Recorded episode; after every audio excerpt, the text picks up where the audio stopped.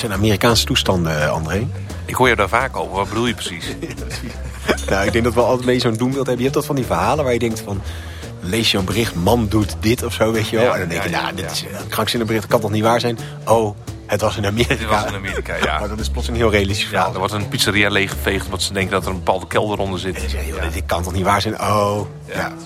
En eh, ik denk dat we al een beetje konden lachen om Amerika. Van, oh, een raar land toch? En wat, eh, wat, eh, wat een wonderlijke mensen. Ja. Ook wel episch. Vroeger vond ik altijd episch. Ik vond het ook episch. In de tijd van Clinton president en zo. Dat, dacht, toen was ik klein kind. dacht ik altijd van nou, Amerika is echt het land to be. Ja, precies. En dat, dat, dat, nou, die, die soort zweem van, van e- epischheid hangt er nog steeds soms een beetje Ja. omheen. En ik, vind, ik ben er één keer geweest en de natuur daar is bijvoorbeeld wel echt gewoon ongekend. Het is Ja. zo'n krankzinnig groot en, en intimiderend land.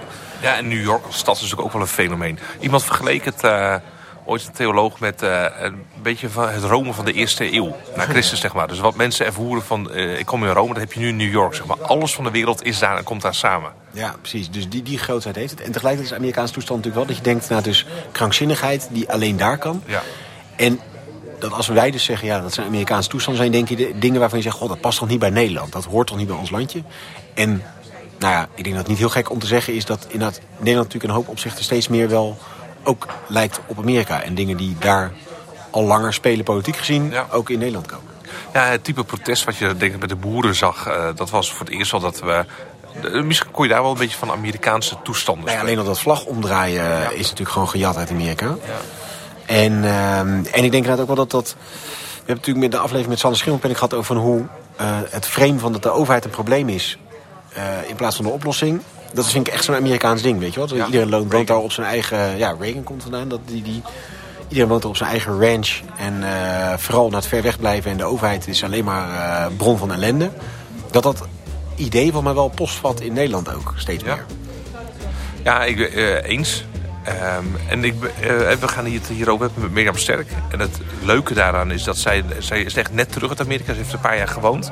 Is ook bij die 6 januari rellen geweest. Daar moet ik denk ik zeker met haar over hebben. Over Amerikaanse toestanden Over gesproken. Amerikaanse toestanden gesproken, ja. Eh, 6 januari 2021. Ehm, dus het, het lijkt me heel boeiend. Zij is nu gedeputeerde eh, voor de provincie Utrecht.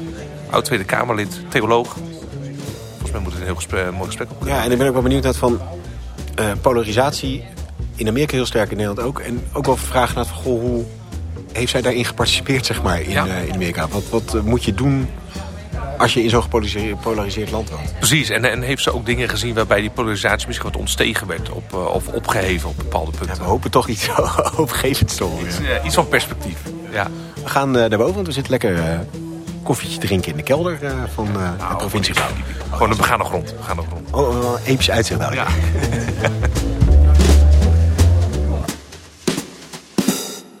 Dag Mirjam, mooi dat we bij je te gast mogen zijn. Zeker. Eh, we hebben het wel eens over Amerikaanse toestanden. Zo'n gevleugelde uitspraak. Ehm, en ik denk dat jij wel bij een van de grootste Amerikaanse toestanden van de afgelopen decennia was. Ja. Namelijk 6 januari 2021. Kun je er iets over vertellen, de bestorming van het Capitool?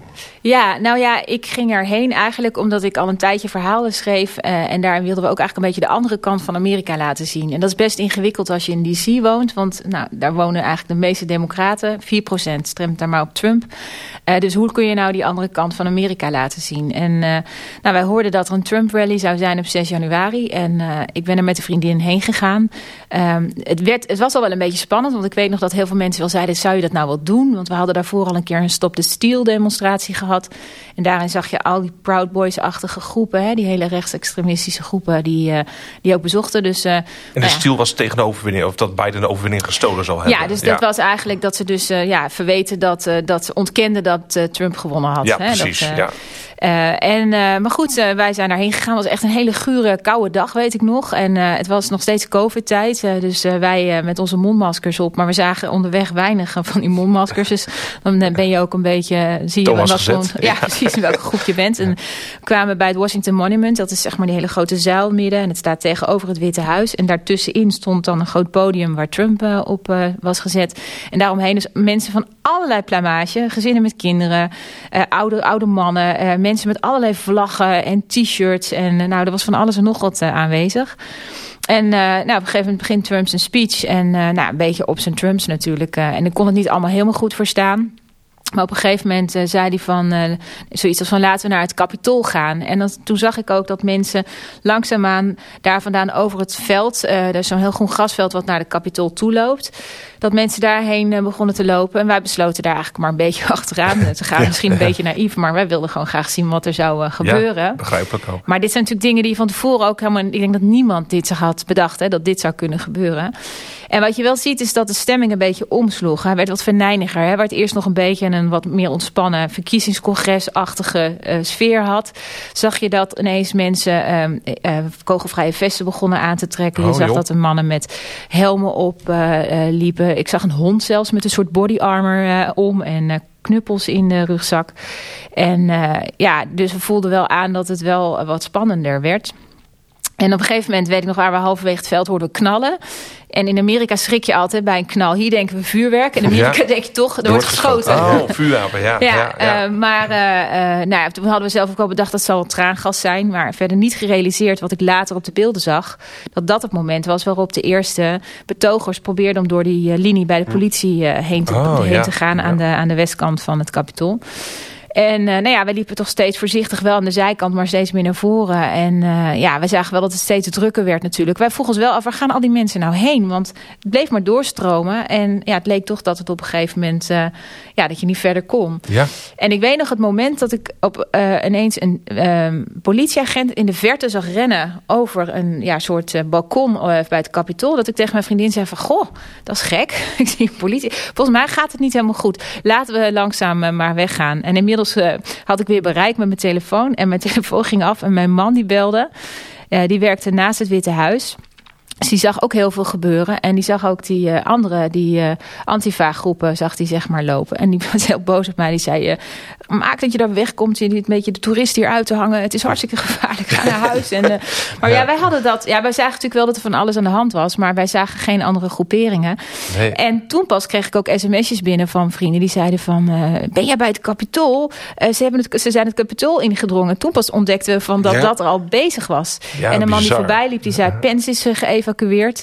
En toen hoorden we ook ineens, uh, toen we terug begonnen te lopen... een enorme stroom aan politiewagens, uh, ja, defensiemensen. Nou, ik, ik, ken natuurlijk niet alles, maar ze hebben in Amerika heel veel verschillende soorten politie. 1800 politiesoorten hebben ze Echt in? Amerika. Departementen ja. of... Uh, nou nee, ja. bijvoorbeeld ze hebben politie bij de universiteit. Ze hebben politie bij uh, uh, nou ja, musea, bij, de, het kathed bij de kathedraal. Dus je hebt een heel Ah. ander, type, ander type politiesysteem. Maar ook brandweer, ambulances, van alles kwam voorbij.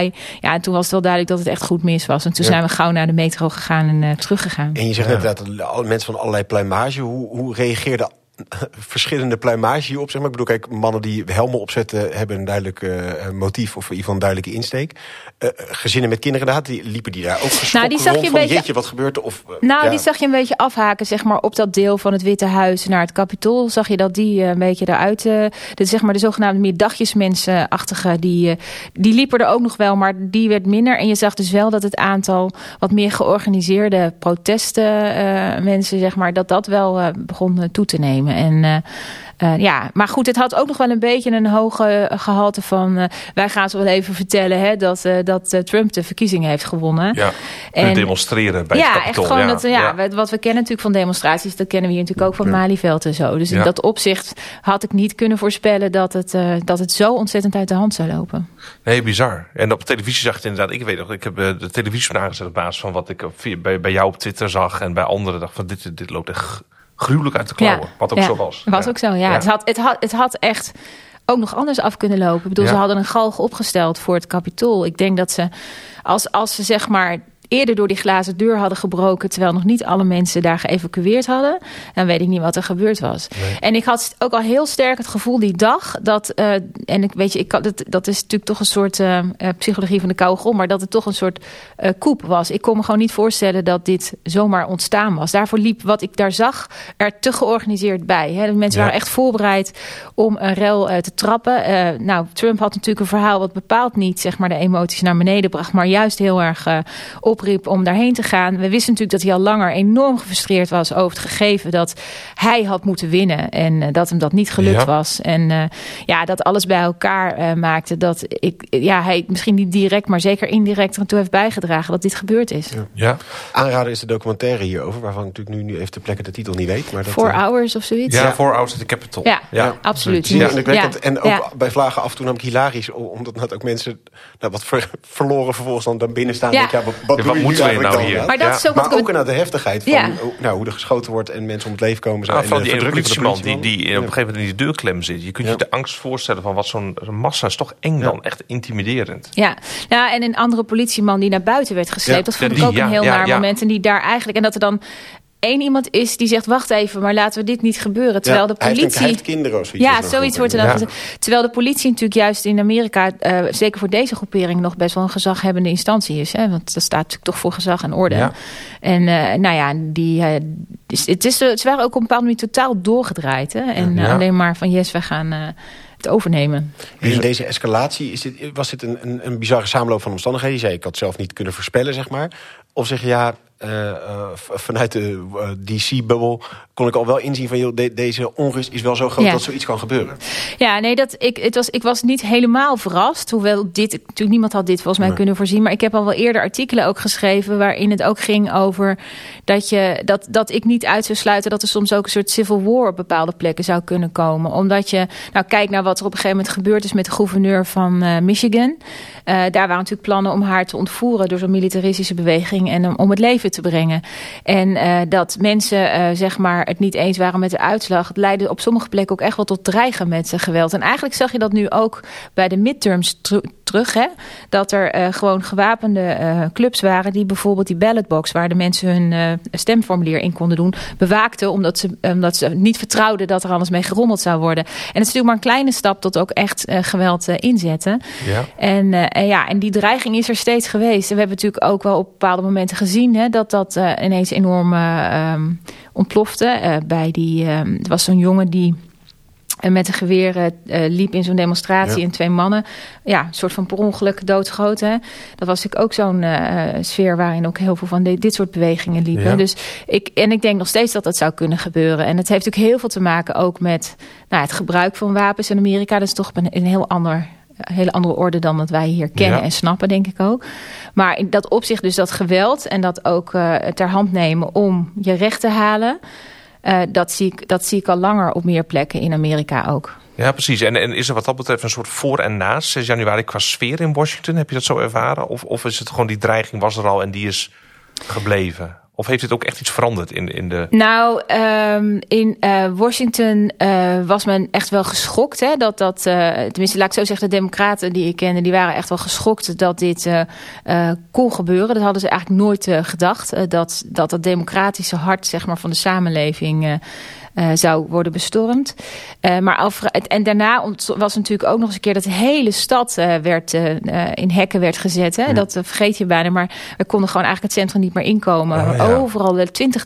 er, er liep meer zeg maar National Guard door DC heen dan we ooit hebben ingezet bij Irak, hoorde ik van een vriend van oh, mij die veteraan was. Hè? Dus het zegt iets over de reactie die vervolgens gegeven is op het gebeuren van ja. die 16 En dat was de inauguratie van Biden. en dat was voor die inauguratie van Biden. Maar wat ik dus merkte bij uh, de inauguratie wel... is dat daar weer een enorme opluchting ontstond van... hè.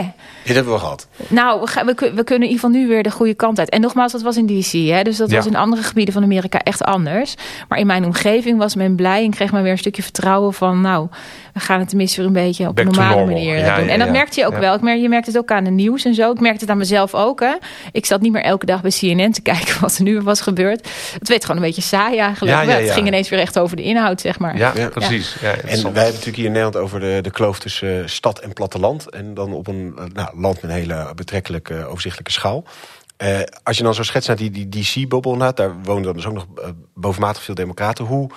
Uh, hoe ander land voelen dan andere delen van Amerika? Of voelt dat wel, is daar wel een hele duidelijk idee van eenheid? Of ja, het is toch een land? Of zijn dat echt uit elkaar drijvende werelden? Ja, ik ben zelf uh, op een gegeven moment actief geworden bij het Rode Kruis. Hè, en uh, daar ben ik met name naar rampgebieden gegaan. En nou ja, rampgebieden zijn vaak gebieden waar veel uh, arme mensen wonen. Dus ik ben in Oost-Kentucky geweest en in Zuid-Louisiana. Ja, dat is echt een totaal andere wereld dan de steden die ik ook heb gezien in Amerika. De steden zijn natuurlijk overwegend blauw. Hè? maar heel veel van die ja, buitengebieden waar de overheid eigenlijk niet meer echt een hele duidelijke rol speelt. Hè? Waar mensen het gevoel hebben dat ze uh, achterblijven, uh, waar weinig werk meer is. En waar ze ook het idee hebben dat immigranten als het ware hun positie aan het overnemen zijn. Ja, daar is natuurlijk een totaal andere sfeer. En daar uh, is heel veel wantrouwen naar de overheid. En dat is natuurlijk ook waar uiteindelijk Trump op uh, is binnengekomen. Want die schetst een soort van ideaalbeeld van hoe het vroeger was. Hè, de jaren 50, 60. Waarin uh, ieder Amerikaan ineens een eigen huis kon kopen. En een koelkast en een eigen auto kreeg. En waarin er nog werk was. En, ja, en als je kijkt naar Oost-Kentucky, daar is niks meer. De mijnbouw is gesloten door de democraten. En... Um, ik heb gezien, daar wonen heel veel mensen in van die tenttrailers, hè, van die grote staakervens. Ja. Vaak naast van die beekjes en zo, in van die kleine valleien. Dus als er een overstroming is, zijn dat de mensen die ook het eerst getroffen worden. En als er dan een, iemand opstaat die zegt maar, ik ga dat oude Amerika terugbrengen naar jullie. En wij ja. gaan zorgen dat Amerika weer groot wordt, een land is om trots op te zijn. Ja, dan is de stap denk ik uit zo'n positie ook vrij snel gemaakt eh, tot, om, om op hem te gaan stemmen. Ja, en is dat, uh, uh, zeg maar, wij hebben het net inderdaad over de bezorgde burger en moet je, in welke mate moet je daar naar luisteren? En dan klopt dat, kun je inderdaad zo makkelijk herleiden van, god, er zitten wel echt reële zorgen onder? Of is het, want het is natuurlijk ook die hele culturele kant die er ook aan zit. De, de, het is uh, economische kant. Nou ja, of in ieder geval uh, rechtsconservatieve ideeën op het gebied van abortus, oh, zo, homohuwelijk, ja. op, en inmiddels natuurlijk ook een heel soort mondiale elite waar tegen gestreden moet worden.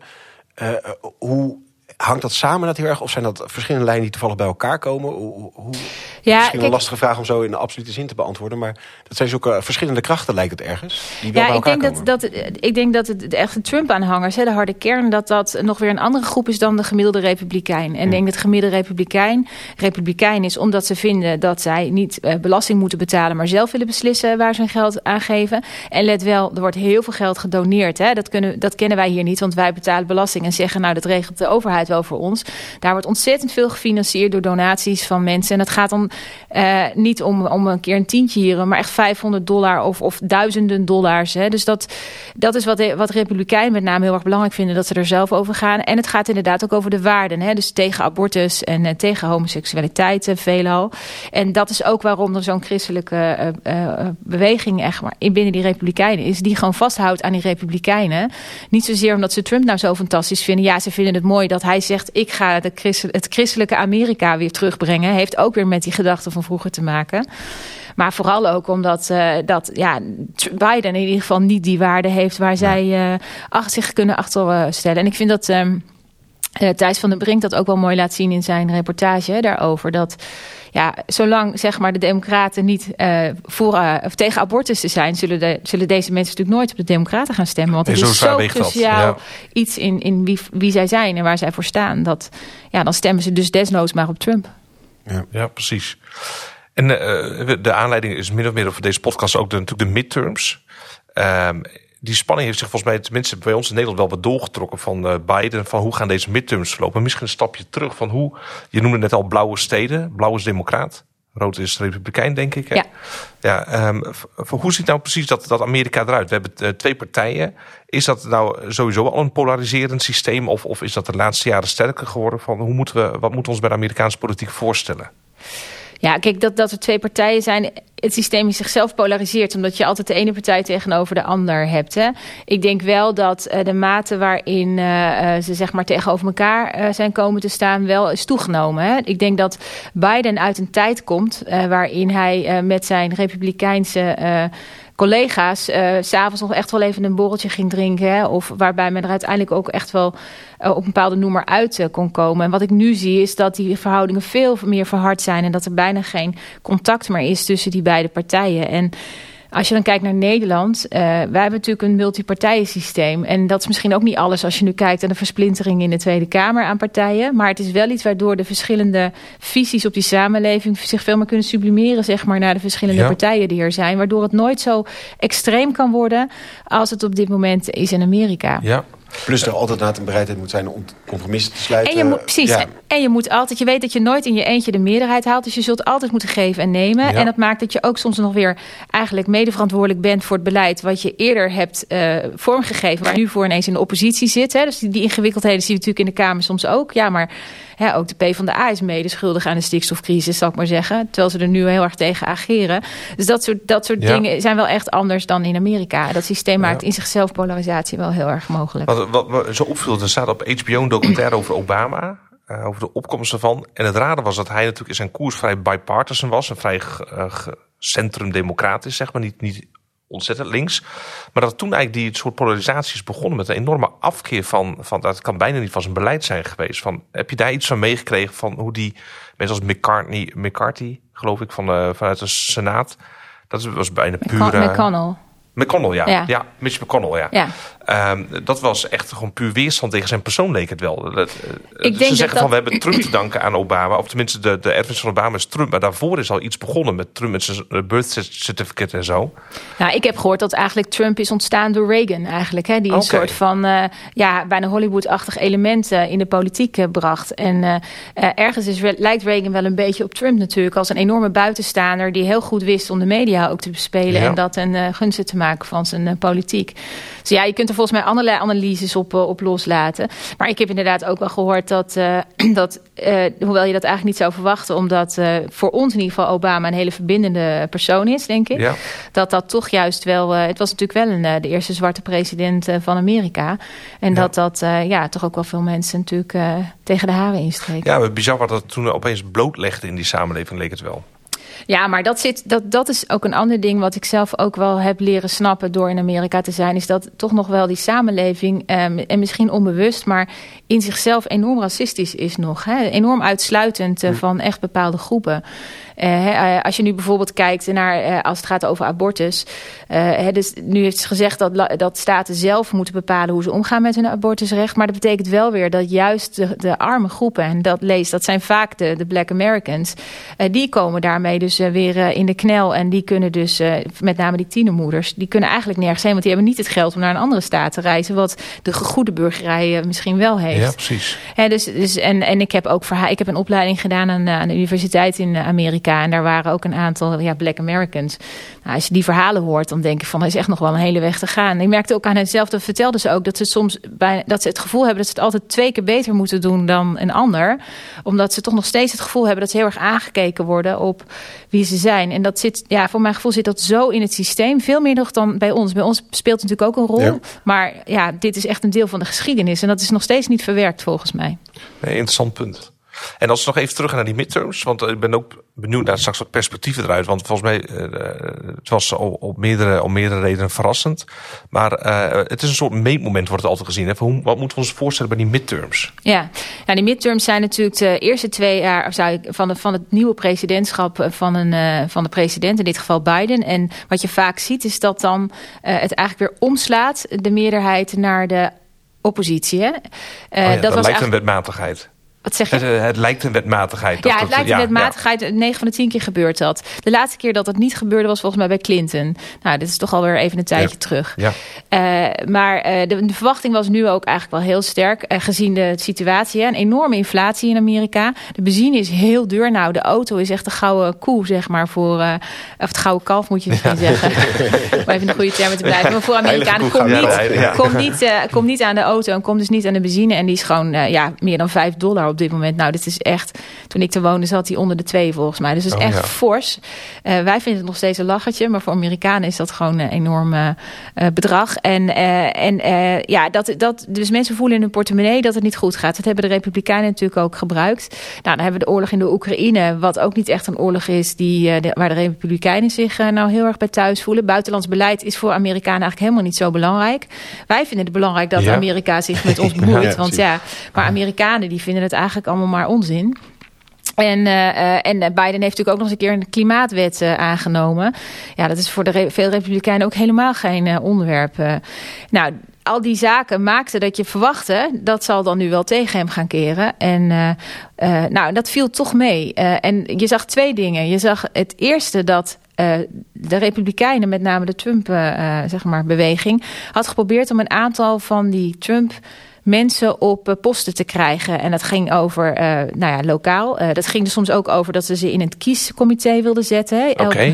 Dus op het lokaal kiesbureau heb je altijd twee republikeinen en twee democraten... die uiteindelijk moeten besluiten of het een eerlijk proces is geweest. En daar hebben ze heel veel van die Trumpisten geprobeerd neer te zetten... in de hoop dat dat zou kunnen leiden tot het, ja, het ontkennen van de resultaten, ja, zou ik maar zeggen. Ja. Nou, Omdat je in ieder geval een 50-50 situatie hebt, dat twee ja, het wel dat zeggen, Ja, precies. En ze hebben het natuurlijk ook geprobeerd om op een aantal posities... het gaat natuurlijk over voor het huis, hè, dus zeg maar de Tweede Kamer... Uh, en voor de Senaat, uh, maar ook voor de gouverneursposten. Dat waren allemaal dingen waarover gestemd is uh, bij de midterms. En... Nou, men had er wel rekening mee gehouden dat uh, het huis uh, zou uh, omslaan. Maar eigenlijk ook wel dat de Senaat zou omslaan. want dat was maar een hele minimale... het was 50-50. Ja, en de stem ja. van Kamala Harris, de vicepresident, gaf dan de doorslag. Dus dat was echt, nou ja... Uh, maar wat je nu ziet is dat die mensen die op die posten zijn gezet... Uh, dat die eigenlijk allemaal bij, bijna allemaal hebben verloren. En uh, dat, is dat wordt toch gezien als een signaal... dat ook de Republikeinen er een beetje genoeg van hebben... Ja. van dat, nou ja, dat Trumpisme. En dat ze toch toe willen naar een wat gematigde vorm van, van ja, het republikeinschap. En dat is denk ik ten eerste heel positief. En ten tweede is dus de Senaat in de handen gebleven van... Uh, de Democraten. Uh, er is nog één positie die ingevuld moet worden, dat is Georgia. En uh, daar heb je te maken met een hele bekende voetbalplayer die voor de Republikeinen staat. Maar die zelf, en dat is bewezen, zijn vriendin heeft betaald om abortus te plegen. Dat is natuurlijk best oh, ingewikkeld. Als, ja. En daar heb je dus een democraat die er nu ook al uh, in zit. En um, ja, daar gaan ze dus, omdat de stemmen bijna staakten, op 6 december nog, nog weer opnieuw stemmen. Ja, een runoff heet dat? Ja, dat heet ja. een runoff. En dan, uh, ja, en dan wordt uiteindelijk die laatste zetel in de Senaat beslist. Ja, en die kandidaat had nu gevraagd of Trump hem niet wilde... Of die Precies. Trump ja, niet wilde ja, ja, want inderdaad, gisteren, wat eerst natuurlijk een sterke kaart leek... namelijk als je werd endorsed zeg maar, door Trump... Uh, is nu ineens een, uh, iets wat je eigenlijk liever niet wil hebben. Dus ze baalden er ook al een beetje van, begreep ik uit de media... dat uh, Trump toch heeft bekendgemaakt dat hij president wil worden. Want ze hadden liever gehad dat hij dat ja, na 6 december had gedaan. Ja, precies. Ja. Dus waar vroeger Trump juichend werd binnengehaald... wordt hij nu eigenlijk een beetje buiten de deur geduwd. Ja, en kun je verklaren waar dat, waar dat in zit? Is, is dat inderdaad, kijk, heel deel van dat verhaal van Trump bouwt natuurlijk nu op, het, op de gestolen verkiezingen. Ja. Is het vermoeidheid op dat deel of is het ja, bredere politici-moeheid die er soms kan optreden? Of? Ja, ik denk vermoeidheid gewoon op, op het hele concept van Trump ook wel. Het, kijk, republikeinen zijn natuurlijk gewoon ook hele redelijke mensen. Hè? Dat zijn gewoon rechtse kiezers, uh, uh, maar mensen die... Uh, ja, ik bedoel, ik, ken, ik heb ook met republikeinen gesproken. Er waren hele ontwikkelde mensen ook, die ook goede banen hadden. En ook gewoon redelijk, waar je ook wel redelijk mee kan ja. praten. Hè? Dus het beeld dat al die republikeinen allemaal van die Trump-gekkies zijn, om maar even zo te noemen. Bush, hè, hoe die zich nu ook ja, profileert. Precies, dus dat, dat is natuurlijk een heel ander type republikein. En omdat het natuurlijk maar twee partijen zijn, is dat wat ik net, net ook aangaf, zie je ook die verschillen tussen de kleuren ja. tussen de, de republikeinen bijna niet. En ja, heel lang is het natuurlijk een troef geweest om uh, Trump aan te hangen. Want daarmee kon je de grootste zijn. En nu merk je toch dat mensen nu beginnen te denken van... ja, maar misschien is het toch niet zo'n goed idee geweest. Het was natuurlijk een buitenstaander die binnenkwam. En men hoopte dat daar de politiek zou worden opgeschud. Uh, ik heb zelfs uh, democratische vrienden die zeiden van... ja, ik vond het eigenlijk wel interessant. En ik heb eigenlijk ook nog wel gedacht om op hem te stemmen. Maar inmiddels is hij natuurlijk onderdeel van het politieke systeem geworden. En heeft hij laten zien wat hij doet. En dan merk je toch dat er een soort van Trump-moeheid uh, ontstaat. En dat men toch eigenlijk terug wil naar een iets meer redelijkere vorm, denk ik. Ja. Of gematigde ja. vorm van het uh, republikeinisme. Uh, zou je het ook al durven duiden als polarisatiemoeheid? Of is dat een Nou ja, dat is, dat is interessant. Ik, ik, dat zou misschien best kunnen. Hè? Dat mensen uiteindelijk gewoon moe zijn. Dat continue... Uh, ja, gedebatteer en uh, mensen tegen elkaar opzetten. En dat mensen toch uiteindelijk uh, toe willen naar meer nou ja, rust en, en misschien toch wat meer verbinding. En ja, je kan natuurlijk veel van Biden zeggen, maar het is wel een rustige president. En ja. het is wel redelijk voorspelbaar wat er gebeurt. Zelfs een republikein zei tegen mij uh, op het voetbalveld. Hij zei ja, ik moet wel toegeven dat het inderdaad wel wat rustiger is. Uh, ja, ja, ja, ja, Het was vlak nadat Biden was aangetreden. Maar ja. Uh, ja, dus die zien dat natuurlijk ook wel. Ja. ja. Want die vraag van polarisatie vind ik wel interessant. Ehm, eh, ik zag laatst zo'n staartje van uh, hoe Nederlandse kiezers zouden stemmen bij de Amerikaanse verkiezingen. Wat natuurlijk ook wel een hele abstracte, absurde vraag eigenlijk is. Vraag, want hoe zou jij stemmen bij de verkiezingen in Polen? Weet je? Ja, ja, ja. ja. Goed, hier Iemand tweet ook van uh, Biden zal onder indruk zijn van de mening van Emma Lord. ja, bedankt Emma Lord. Ja, bedankt Emma Lord. maar uh, wat, ik daar, wat je daar wel een beetje uitlas is van Nederland is gemiddeld gezien democraat, zeg maar in, in week van 75% of zo geloof ik. Nou, weet ik van die, die orde van grootte. En daarmee heeft het natuurlijk ook een beetje de neiging om naar, zoals je net uh, goed zei, bij Republikeinen te kijken. Ja, wie zijn die mensen, zeg maar? Hoe, kijk naar, hoe heb je dat ervaren in je DC-bubbel uh, met dus veel democraten? Uh, en in welke zin moet je zeg maar, de kritisch naar jezelf ook kijken? Van hoe benader ik de andere kant? Gebeurt dat op een goede manier? Wordt op altijd verbinding gezocht vanuit de kant van de democraten? Of moet je zeggen, ja, polarisatie komt wel echt van twee kanten. Weet je, waar twee vechten worden, hebben twee schuld. Of moet je toch wel zeggen, ja, wie zijn die mensen? Wij doen het goede, zij zijn verkeerd. Nou, wat interessant is, is dat ik in Amerika stuitte op de organisatie Better Angels, heette dat. Eerst heette het Better Angel, uh, maar tijdens COVID werd het Better Angels.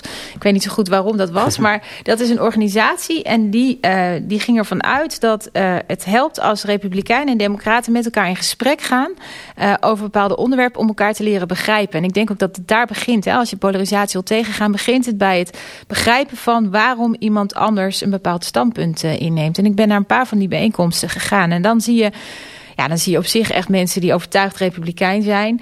Uh, en, en democraten, uh, die natuurlijk overtuigd democratisch zijn. Maar er ontstaat op een gegeven moment wel een soort van gesprek uh, vanuit een meer wederzijds begrip. En ja, kijk, dat dat nodig is, is natuurlijk veelzeggend. Hè? Alhoewel, misschien zou het in Nederland ook niet zo'n gek idee zijn als we dat zouden doen. ja. ja.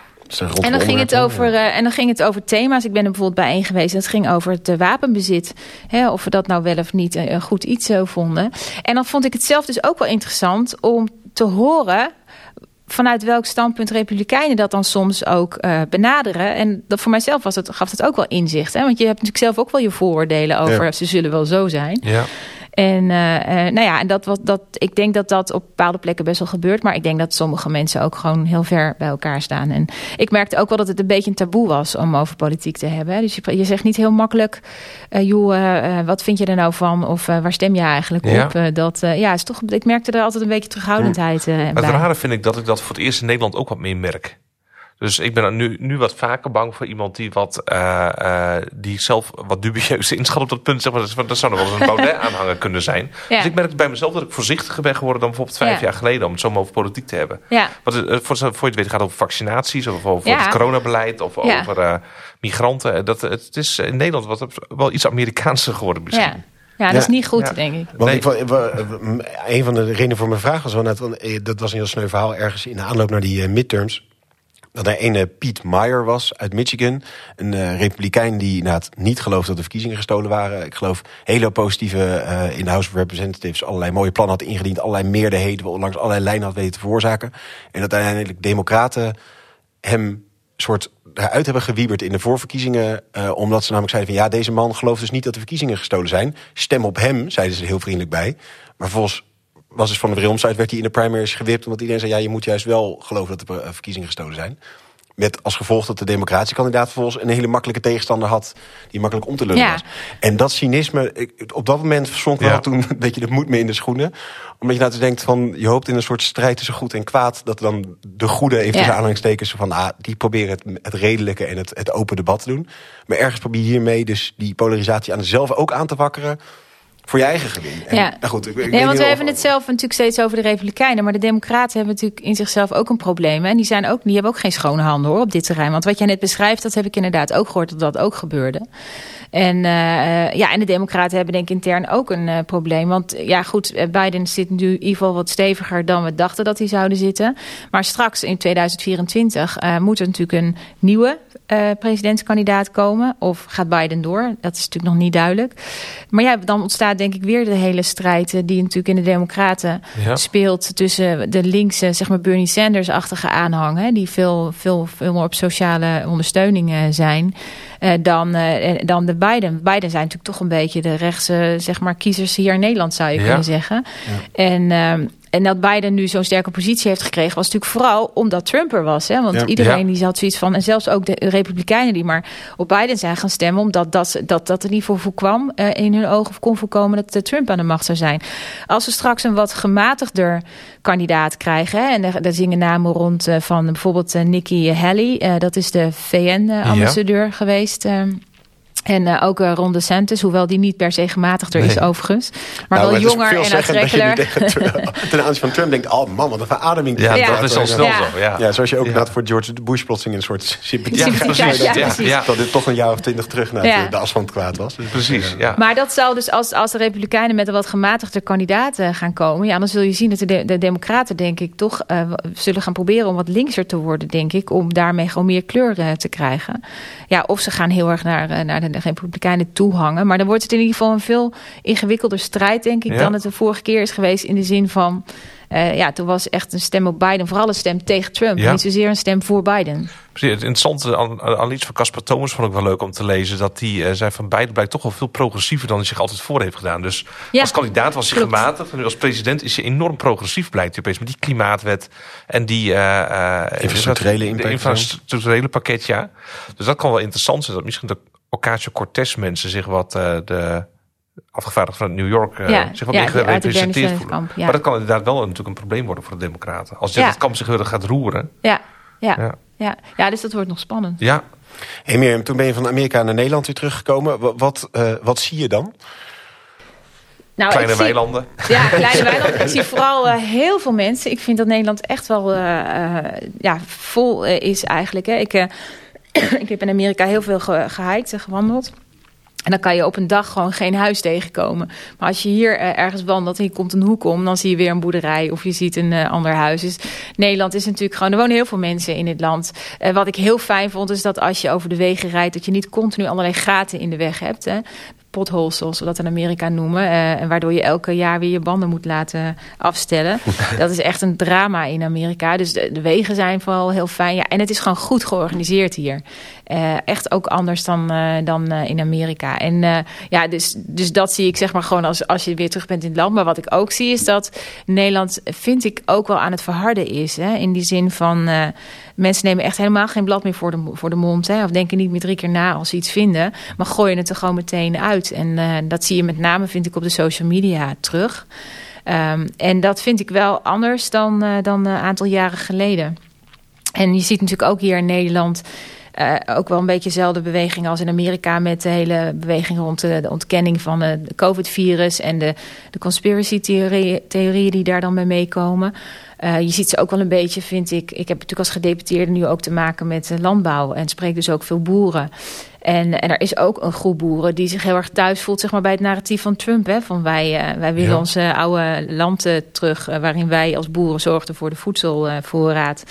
Uh, en uh, um, ja, wij, wij worden niet meer erkend in wat wij goed kunnen. En uh, ja, dat is een beetje hetzelfde narratief, denk ik, wat ook ja. voor Trump geldt. Je ziet overigens ook dat er ook wel banden zijn. Hè? Trump heeft het zelfs over de Nederlandse boeren gehad op ja, een gegeven moment in de speech.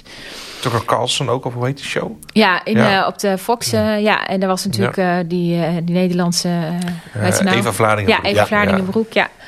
Dus je ziet daar ook wel een soort van uitwisseling. Uh, um, dus ik zie wel dezelfde tendensen, ook wel in Nederland. Maar nogmaals, omdat wij een ander systeem hebben... Hè, waardoor je toch ook meer kleur ziet. Uh, en doordat we ook een andere sociale zekerheid hebben... waardoor de verschillen in ieder geval dat opzicht niet zo extreem uh, kunnen worden... denk ik toch dat het anders is in ons land. Ja, fascinerend. We begonnen met de vraag van Amerikaanse toestanden. Uh, voorzie je wel dat uh, uh, risico's die we uit Amerika kunnen, kunnen importeren, je noemt de complotten net, zie je andere dingen waar je zegt, ja, dit heb ik zien ontstaan in Amerika, dit is wel echt een risico voor Nederland? Nou, misschien nog niet zijn, maar wat zou kunnen, ja. ja. Uh, ja, ik, ik, met name zeg maar het wantrouwen uh, tegen het gezag. Hè? Of dat nou ja. over de wetenschap gaat. Want dat is natuurlijk iets wat uh, heel erg speelt, denk ik, ook in de COVID-discussie. als ook tegenover de overheid. Hè? En kijk, wat, wat natuurlijk bij heel veel mensen daar die, die nu op Trump stemmen speelde... was dat ze het gevoel hebben dat de overheid hen in de steek heeft gelaten. En daar hebben wij inmiddels natuurlijk ook wel slechte kaarten liggen. Als je kijkt naar het kinderopvangtoeslagenschandaal. Als je kijkt naar wat er in Groningen Is gebeurd. Maar in feite ook wel een beetje als je kijkt wat er nu allemaal op het bordje bij de boeren wordt gelegd. Hè, waarbij uh, er van alles en nog wat ineens van hem moet. En waarbij de overheid nauwelijks echt faciliterend uh, optreedt. Denk ik dat dat, uh, ja, dat dat ook een risico is. Omdat mensen dus niet meer waar de overheid juist zeg maar degene moet zijn die mensen ondersteunt. En tegenover wordt die vooral mensen in de weg zit. En dat lijkt natuurlijk toch een beetje op wat je in Amerika ook ziet. Ja. En nogmaals, het is natuurlijk allemaal veel genuanceerder dan dat. Maar die tendens vind ik wel heel erg aanwezig op dit moment. En ik snap ook best wel van daaruit dat mensen hun rug een beetje afkeren van de politiek. En dat die flanken daardoor ook uh, sterker worden. Die zeggen van ja, maar dit gaan we helemaal anders doen. ja. ja. Je noemde net al Reagan. We hadden een keer in een eerdere aflevering met Sander Schimmelpenning... zeiden wel misschien het meest succesvolle politieke frame ik van sinds de Tweede Wereldoorlog is van the government is the problem, not the solution. Ja. Wat door Reagan natuurlijk in de wereld geholpen is. Eh, dat is zo dominant dat in Amerika allerlei mensen die het qua portemonnee gunstiger zouden hebben, misschien om linkser te stemmen, rechts stemmen. En in Nederland zie je dat sentiment misschien inmiddels ook dat mensen zijn boos op hoe het beleid gevoerd is de afgelopen tien jaar. En gaan dan van de weeromstuit nog wat rechtser stemmen. In plaats van je denkt, ja jongens, we hebben het over rechts geprobeerd laatste keer langs de andere lijn dan proberen. Nou ja, dat vond ik ook in Amerika fascinerend. Dat juist zeg maar als mensen in de knel komen en de overheid er op zich komt om hun te helpen. Hè, want je hebt, uh, je hebt, die, uh, je hebt zo'n uh, firma en die komt in gebieden waar noodtoestanden zijn geweest. En die gaat mensen helpen om daar daken rep te repareren en om daar weer fondsen te geven. Zodat ze weer spullen kunnen kopen. En uiteindelijk ook weer op het traject naar werk zullen kunnen komen en dat soort zaken. Dat, die overheid komt er om ze te helpen. Maar als ze iets wantrouwen is het wel die overheid. En dat, is natuurlijk, en dat zie je natuurlijk in Nederland ook ontstaan. Van ja, de overheid is er eigenlijk om je te helpen. Uh, maar door dit soort schandalen worden mensen toch wantrouwiger tegenover ja. die overheid. Dus je kan er ook enorm in, door in de problemen komen. Met eh, alle goede bedoelingen. Een zijpaardje had Trump niet die firma geplunderd om de Mexicaanse muur te betalen? Dat zou, dat zou kunnen, dat okay, weet ik niet. Nou, ja. er ook uithalen. Ja. ja. dat weet ik niet. Dat is volgens mij is knip dat eruit dan. Ja, knip eruit. Volgens mij, eh, als je dat geweten was, maar volgens mij is dat. Uh, ja. Het zou best kunnen. Het is, ja. Er zit enorm veel geld in het fonds. Het is echt voor nooddingen. Oh ja. En, ik kan me voorstellen dat hij dat vreemd als noten. Ja, precies. Volgens mij heeft hij het zo gedaan. Ja, ja slim. Ja. ja. Maar ik vind dat eigenlijk wel een interessant thema. Van, hoe kan het nou dat, dat de het zit misschien ergens ook deels in de belofte die gedaan is, die niet ingelost wordt als iets. Hè? Dus dan zo van de grote woorden van de overheid kan helpen. En de overheid kan vervolgens niet helpen. En dat dat een teleurstelling oplevert. En dat je dan denkt, doe maar niets, eh, de overheid. Goed, ik weet niet hoe dat in Nederland zit. Maar dat, nou goed, ik weet nog niet op wie en wat voor gas we daarbij zou moeten hebben. Maar ik zeg dat wel een interessant ding. Wat echt uit Amerika denk ik overkomen is dat anti-overheidssentiment. Wat volgens mij in Nederland nu wel echt sterk is. Ja. Sterker geworden in ieder geval. En dat ja, daar ook deel van de ja hoewel dat misschien denk ik wel vanuit een ander perspectief is ontstaan. Omdat ik denk dat wij in Nederland heel erg zijn verzakelijkt als overheid. Hè? Dus er is heel veel zeg maar, in processen en regels uh, uh, gekomen. En weinig meer zeg maar, in een soort van menselijke uh, zeg maar, interactie. En dat daar ook door de, de overheid steeds meer ook letterlijk bijna op afstand is komen te staan. En geen gezicht meer heeft. En, en dan kom je vast te zitten in die systemen met al die regels. Nou, de kinderopvangtoeslag is natuurlijk ja. daar echt wel een ja. voorbeeld van. En, en dat daardoor ook die afstand naar die overheid groter is geworden. Ik weet niet of dat opgaat voor Amerika. Maar het zou zeker interessant zijn om eens te kijken hè, of, dat, of dat toch uh, een gemeenschappelijkheid ja. heeft. Je zou wel kunnen zeggen dat Amerika nog meer ideologie heeft in de politiek dan Nederland. Die, die verzakeling heeft er ook voor gezorgd dat, dat ideologische verschillen, uh, verschillen uh, opgeheven lijken. En in Amerika lijken die juist verdiept. Ja. Uh, en meer ook uitgebuit te worden. Ja, want de kracht van het woord vrijheid hè, en freedom uh, uh, is vooral een individuele vrijheid. En dat is in Amerika ook natuurlijk heel dominant bij de Republikeinen. Die mensen willen gewoon zelf kunnen bepalen wat ze doen. wat ze met hun wapen doen, waar ze gaan wonen en hoe ze hun geld uitgeven. En dat komt natuurlijk heel erg nog vanuit die pioniersgeest. Hè, van mensen die de vrijheid wilden om... ja, hun, ze mochten ook vroeger, als ze, met name in de trek naar het westen... als je op een gegeven moment in een bepaald gebied kwam, was er een wet... dan mocht je dan afzetten met en dan was dat gewoon van jou. Oh ja. En ja. Uh, dat is natuurlijk ook een soort pioniersgeest die ik vind die je nog bij heel veel republikeinen, met name in Wyoming en, en zeg maar die westelijke staten ziet. Um, uh, ja, dat, ja, dat kennen wij hier in Nederland. Die, vrij, nee. die dat type vrijheid in dit volle land. Het kadaster ja. is wel zo goed georganiseerd. Ja, Nergens een paar paaltjes nee. in de grond kan slaan. Dat. Ik vraag me alleen af, André, of die ideologie nou ik weet niet of ik het nou ideologisch zou noemen. Het is ook meer, zeg maar, wanneer is nog ideologie en wanneer is het meer een soort culture war? Uh, ja. kansen. Want ideologie vind ik nog wel dat je zegt van ja, dit is mijn overtuiging. Ik hoe kijk naar dit en dat heb ik zo onderbouwd. En ik zie dit, hoe kijk ja. jij daarnaar? Dat veronderstel nog een soort conversatie. En dat lijkt me meer het, het ultieme doenbeeld wat je deels in Amerika denk al zich voltrekt. Gewoon parallele werelden. Ja. Wat zich naar Nederland ook lijkt te vertalen. waarin je dus ook het niet meer helpt om met elkaar in gesprek te gaan eigenlijk. Nee, is iemand ook niet meer uit is op een Ja. gesprek. Ja. Wat, wat mezelf daar nog wel bezighoudt is, is, het, is de rol van de onderbuik, zeg maar, die gewoon gevoed wordt. Inderdaad, dat er niet ideologie centraal staat, maar gewoon het, de, zorgen van mensen eh, eh, ehm, niet op willen lossen, maar voor politiek gewin gebruiken. Zeg maar. Inderdaad, dat is, dat is nog wat anders dan dat het per se ideologisch is. Ja. Ehm, en dat is een ontwikkeling die mezelf wel bezighoudt. Ik denk dat we dat in Nederland ook wel zien. Dat gewoon de onderbuik aangejakkerd wordt en aangewakkerd. En de zorgmensen misbruikt worden in dat, eh, op dat punt. Misschien op zoek naar een oplossing. eh, Meer, zijn er dingen in Amerika die je in je jaren daar hebt gezien... Die, die, nou, die, in ieder geval die nog een soort verenigende kracht hebben? Of waar je zegt, nou, dit was een plek waar mensen nog wel elkaar konden vinden. Of daar, daar gebeurt het nog wel. Of daar eh, keek iedereen wel naar, of zo zeg maar. Ja, wat ik heel mooi vond aan Amerika is toch wel het maatschappelijk initiatief. En wat echt veel sterker is georganiseerd dan hier in Nederland. Ook niet zo gek, want als de overheid eh, terugtreedt, dan, dan ontstaan dat soort ma- maatschappelijke initiatieven natuurlijk ook meer. Ik weet nog dat, eh, ik was ook eh, lid daar van een kerk. En eh, dat op een zondag, eh, net na het eh, gebed, er ineens een man opstond. Die was uit het zuiden van Washington gekomen. Dat is echt het arme gebied. Hè. Daar komen mensen zoals wij hè, in onze buurt komen daar eigenlijk niet. En die kwam vertellen dat hij zulke enorme schulden had. En dat hij net een baan had, maar dat hij die weer dreigde kwijt te raken. En dat hij eigenlijk een beroep deed op de diaconie van zo'n kerk. En zo'n kerk heeft enorm veel geld. Veel meer dan in Nederland. Omdat mensen veel vrijgeviger zijn. Omdat het nou eenmaal past bij hè, hoe, Ja. hoe ze ja, bij hun cultuur zou ik maar zeggen. En ja, die man is na afloop natuurlijk geholpen en daar is meteen ook mee gekeken. Maar ook initiatieven. Er was een, ehm, een docent bij de, op de lagere school van mijn eh, dochter. En die had eh, kanker gekregen. En blijkbaar werkt het zo in Amerika. Als je je baan wilt houden, dan moet je het salaris van degene die tijdelijk jouw baan doet, moet je dan financieren. En, eh, en de- ondertussen had ze ook allerlei behandelingen. En het was allemaal ongelooflijk kostbaar. En ze was eigenlijk gewoon door haar geld heen. En dan stuurt de ouderraad een mail van... nou, dit is het geval. We vragen of jullie geld eh, willen doneren. En dat gebeurt dan ook. En dan soms met 500 dollar gewoon dat Ja, mensen dat precies. eh, doen. Nou, daar zou je hier in Nederland denk ik niet bij aan moeten komen. We, we kennen natuurlijk wel crowdfunding. Ja, maar volgens mij gaat het niet... Ja. maar het gaat niet om dit soort bedragen. Dus ik vind zeg maar het maatschappelijke initiatief... en de rol die ze daar pakt... ehm, die is veel sterker in Amerika eh, dan dat je dat in Nederland eh, hebt. Ja. Dus, eh, als ik het goed begrijp, dan zeg je de hoop komt uit de samenleving. Niet per se als eerste van de overheid en de politiek. Nee, klopt. Ja, ja. Ja, met als enige cynische kanttekening dat je denkt... gelukkig hebben wij wel de boel wat beter georganiseerd... als je inderdaad je dochter Ja. kanker krijgt en je hebt je baan. weet Ja, dat is natuurlijk heel gewoon- triest. Ja, Ja. en dan ben je natuurlijk afhankelijk van mensen die dan Ja. voor jou zorgen, die dan voor jou oppakken. Hè? Wat Ja. nou als je niet eh, Dat zeg maar, netwerk hebt, zeg ja, maar. precies. Ja. Klopt, en dan plaats je ook in een andere relatie tot mensen. Ik hoorde laatst een, eh, een, een socioloog ook zeggen van... de- het tikkie is een Nederlands fenomeen. Dat kunnen we heel vervelend vinden. Maar Nederlanders hebben niet graag schuld. Dus er zit ook in van dat hele... eh, wat gemierenneuk op geld zou je het kunnen zeggen. Maar er is ook iets in van we willen gewoon altijd sam-sam. Ik wil niet bij jou in het krijt staan. En daar helpt natuurlijk zo'n wat zakelijker overheid bij. Dat zeggen, ja, het is gewoon geregeld. Ik hoef niet op een ander een beroep te doen. Dat zit misschien ook wel een beetje in onze Ja. aard. Van, we willen niet bij een ander in het krijt of... of eh, Ja, en Eh, dat vind ik ook mooi aan dat Angels project dat je noemde. Uiteindelijk in die eh, eh, blik op elkaar. Nou goed, dat is misschien hetgene wat na het, in Nederland misschien snel bij het spel wordt gezet door een goed georganiseerde overheid. Eh, en dat daarmee dat die polarisatie natuurlijk niet verdwijnt als je nou niet met elkaar eh, in gesprek raakt en elkaar aan Ja, het begint in ieder geval met begrijpen waarom de ander een ander standpunt heeft dan jij. En dat het misschien wel om andere redenen is dan jij denkt. Ja.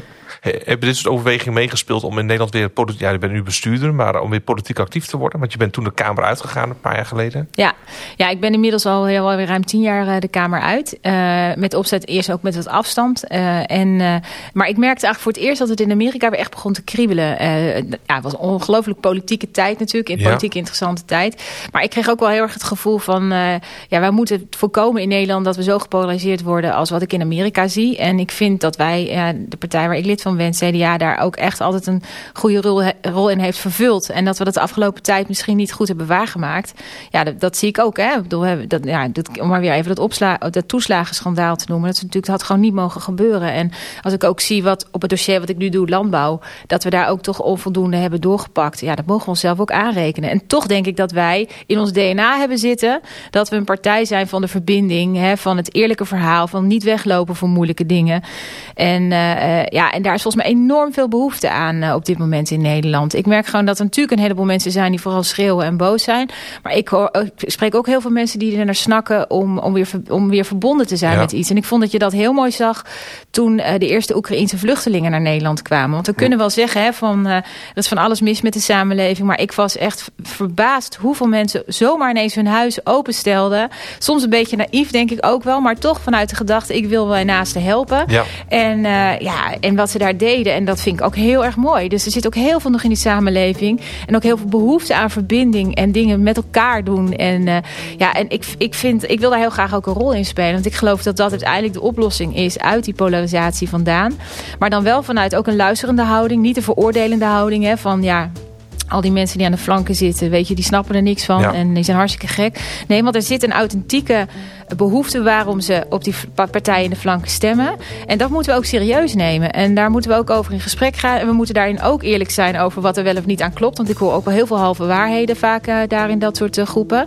Maar laten we dat gesprek dan aangaan. Ja. En dat doe je niet door te zeggen van ja, weet je, je bent een wappie of uh, je, je, ja, dat kan helemaal niet wat je zegt. Maar door echt ook vanuit die luisterende houding daar uh, mee in het gesprek te gaan. En dan wel op zoek te gaan naar waar, maar waar vinden we elkaar dan? Hè? Hoe dan wel? En, ja. Nou, dat probeer ik nu in mijn werk als gedeputeerde hè, op dit dossier ook veel. En soms lukt dat en soms lukt dat niet. En dat is dan heel frustrerend.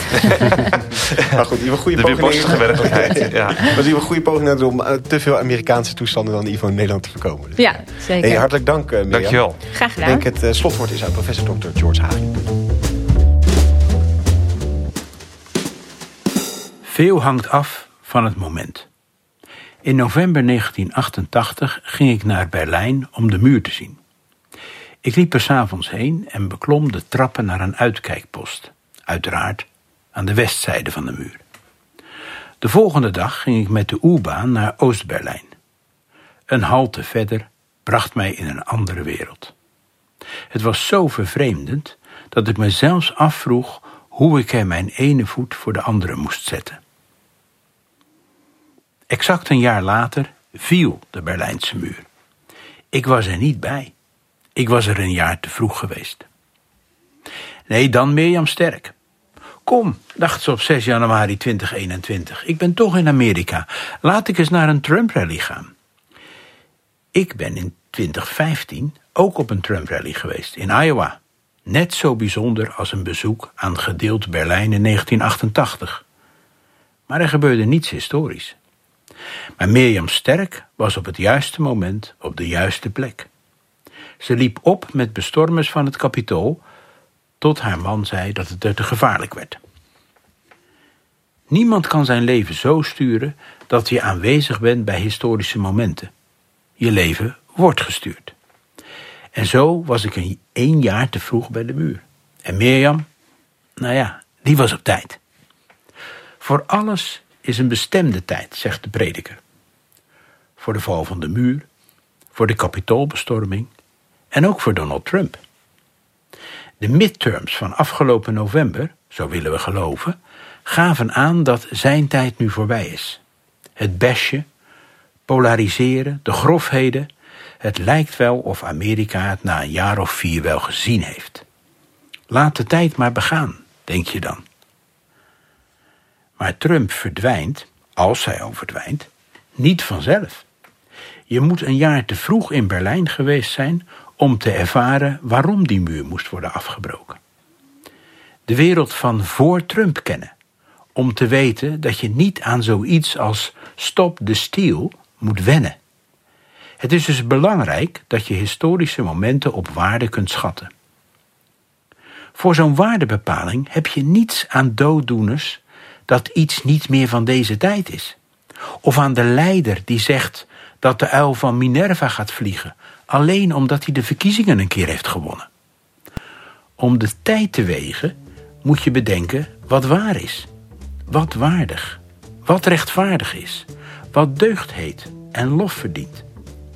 Het is daarom dat Mirjam Sterk oog in oog met Trump en de storm die hij ontketende besloot: ik moet mijn leven veranderen.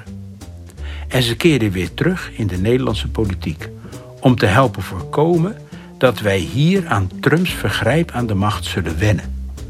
Daarvoor is het nu het juiste moment.